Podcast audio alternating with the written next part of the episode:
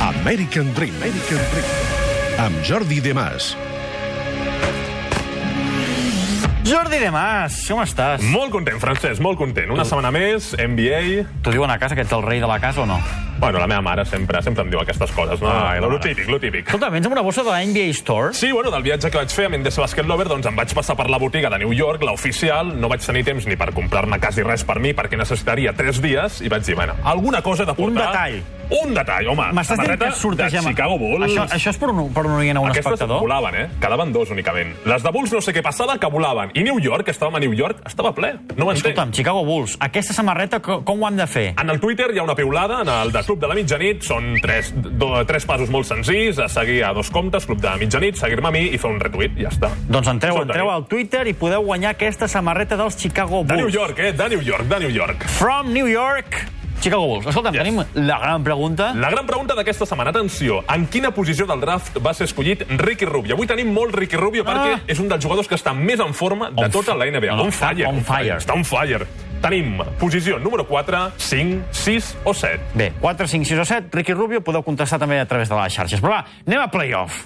Aviam, si hi ha una persona que és realment espectacular és Ricky Rubio. Què està passant amb Ricky Rubio? Utah Jazz, que estan jugant contra Oklahoma City Thunder, a priori Oklahoma City Thunder era més favorit perquè té a tres superestrelles, a tres supertalents que amb el seu joc individual poden guanyar. Però Utah Jazz està guanyant 3 a 1 Ai. i estan a un únic partit de donar la sorpresa i de passar a semifinals de conferència oest. Què ha passat fins ara?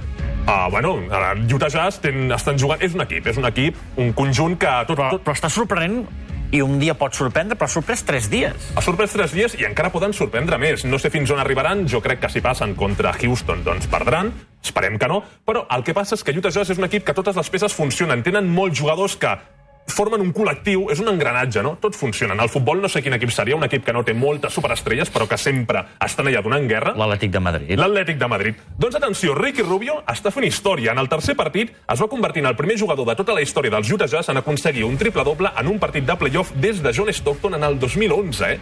Ah, 2001, perdó, 2001. Ah, dic, 2001, més, 2001, més, més. 2001. I després l'altra estrella, Donovan Mitchell, que, atenció, en els primers quatre partits de playoff ha notat 117 a 110 eh, punts. És la xifra més alta de tota la història des de Michael Jordan en el 1985, que en va notar 117. És el millor moment de Ricky Rubio a la NBA? Sí, sí, sens Des Eh? que dubte. va Ha fet un arribar, eh? canvi físic, un canvi de mentalitat, està amb confiança, és molt important. A la gent que deia que no sabia tirar, que no, no era un base titular, està tancant les boques. Jo m'alegro molt per Ricky i és un dels jugadors que podem dir totalment que és un dels que està més en forma. Contents pel Ricky Rubio. Molt Va, contents. més playoff, què més m'has d'explicar? Pau Gasol, Pau Gasol, anem a l'altre català. Aviam, I a estem- l'altra cara de la moneda. L'altra cara de la moneda està un únic partit de quedar eliminat dels play-off. De moment, va, home, estan jugant contra els Golden State Warriors, que són els favorits per guanyar l'anell. Uns Warriors que estan jugant sense la, se la seva estrella principal, Stephen Curry, que encara té uns, prole uns problemes en el tornei. Es podria perdre algun pròxim partit de la següent eliminatòria, però San Antonio Spurs havia de guanyar un partit sí o sí. Per què? Perquè l'entrenador de San Antonio, Greg Popovich, està passant per un mal moment, la seva dona va, va morir fa molt poc, i San Vaja. Antonio Antonio doncs, va treure tot l'orgull i va dir aquesta victòria és pel nostre líder, que ara està ferit, i havíem de guanyar sí o sí. I si em permets, jo m'he de treure el barret. M'he de treure el barret per un jugador especialment. Manu Ginobili, 40 anys, està a un nivell... Diuen que pot ser la seva última temporada, que es podria retirar el crac argentí, però està...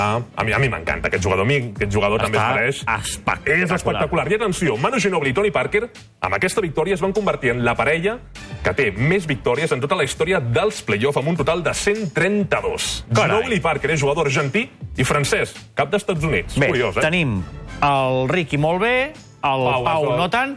Què més hi ha en aquests playoff? Tenim una gran sorpresa i una gran decepció. Vinga, va. La gran sorpresa, New Orleans Pelicans, que van eliminar 4-0 als Portland Trail Blazers. 4-0. Portland va acabar tercer, una temporada regular excel·lent, amb Damian Lillard i McCollum a un gran nivell, però 4-0, i la, la clau va ser l'Unicejo, te'l torno a treure. Espifiada bona. Uh, també eh, altres jugadors com Holiday, com Rondo, com Però no, Mirotic. no s'ho va afaitar? Va ser una broma, va ser una innocentada, va ser una innocentada. Ho va publicar un dia abans de l'April's April's Fools, que el dia dels innocents és l'1 d'abril, Sí. sí. als Estats Units, i ho va publicar el dia abans, i vam tenir una mica d'intriga. Serà Per cert? tant, no s'ha Al afaitat. final no, va dir, no, no, escolta, que jo sóc Anthony Davis i sen- sense aquests pèls aquí al mig no... Doncs li quedava millor. Home, Vols que et doncs sí, digui? doncs sí.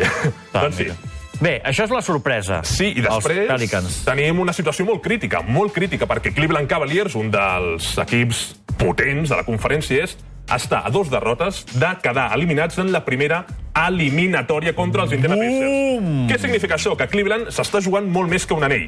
Jo ho dic des d'aquí. Si Cleveland perd aquesta primera ronda, l'Ebron James, el seu rei, s'anirà de Cleveland. L'Ebron James no pot estar a un equip que cau en la primera eliminatòria. L'Ebron ho està fent tot ell sol, té 33 anys, no, que l'ajudin una miqueta. No m'està agradant, no m'està agradant i no descarto que Cleveland caigui a eliminats. I les altres eliminatòries, Rockets van guanyant 3 a 1 a Timberwolf, uns Timberwolf que ara deuen dir, ai, per què vam deixar escapar Ricky Rubio, ai... Després, Raptors 2, Wizards 2, Celtics 2, Milwaukee 2 i Sixers 3, Miami Heat 1. Per tant, només hi ha una eliminatòria resolta ja, eh? que és sí. els Pelicans, la resta... Els Pelicans, els Pelicans... Doncs Totes obertes i algunes, aquesta dels Raptors i els Wizards i, I els Utah, aviam què passa, tant de bo, tant de bo passin, perquè poca gent apostava per ells. Jo, de fet, vaig apostar per Oklahoma, 4-3, però m'alegro, m'alegro que Utah Jazz estiguin amb aquest bon nivell. Va, doncs, eh, escolta, resolem la pregunta i recordem Resolem. això de la samarreta perquè està interessant això dels play-off, eh? Hem dit en quina posició del draft va ser escollit Rick Rubio al base del Masnou. 4, 5, 6 o 7. I la resposta correcta és... Posició número 5 del 2009. Posició número 5. I va ser escollit abans que Stephen Curry, eh? Atenció,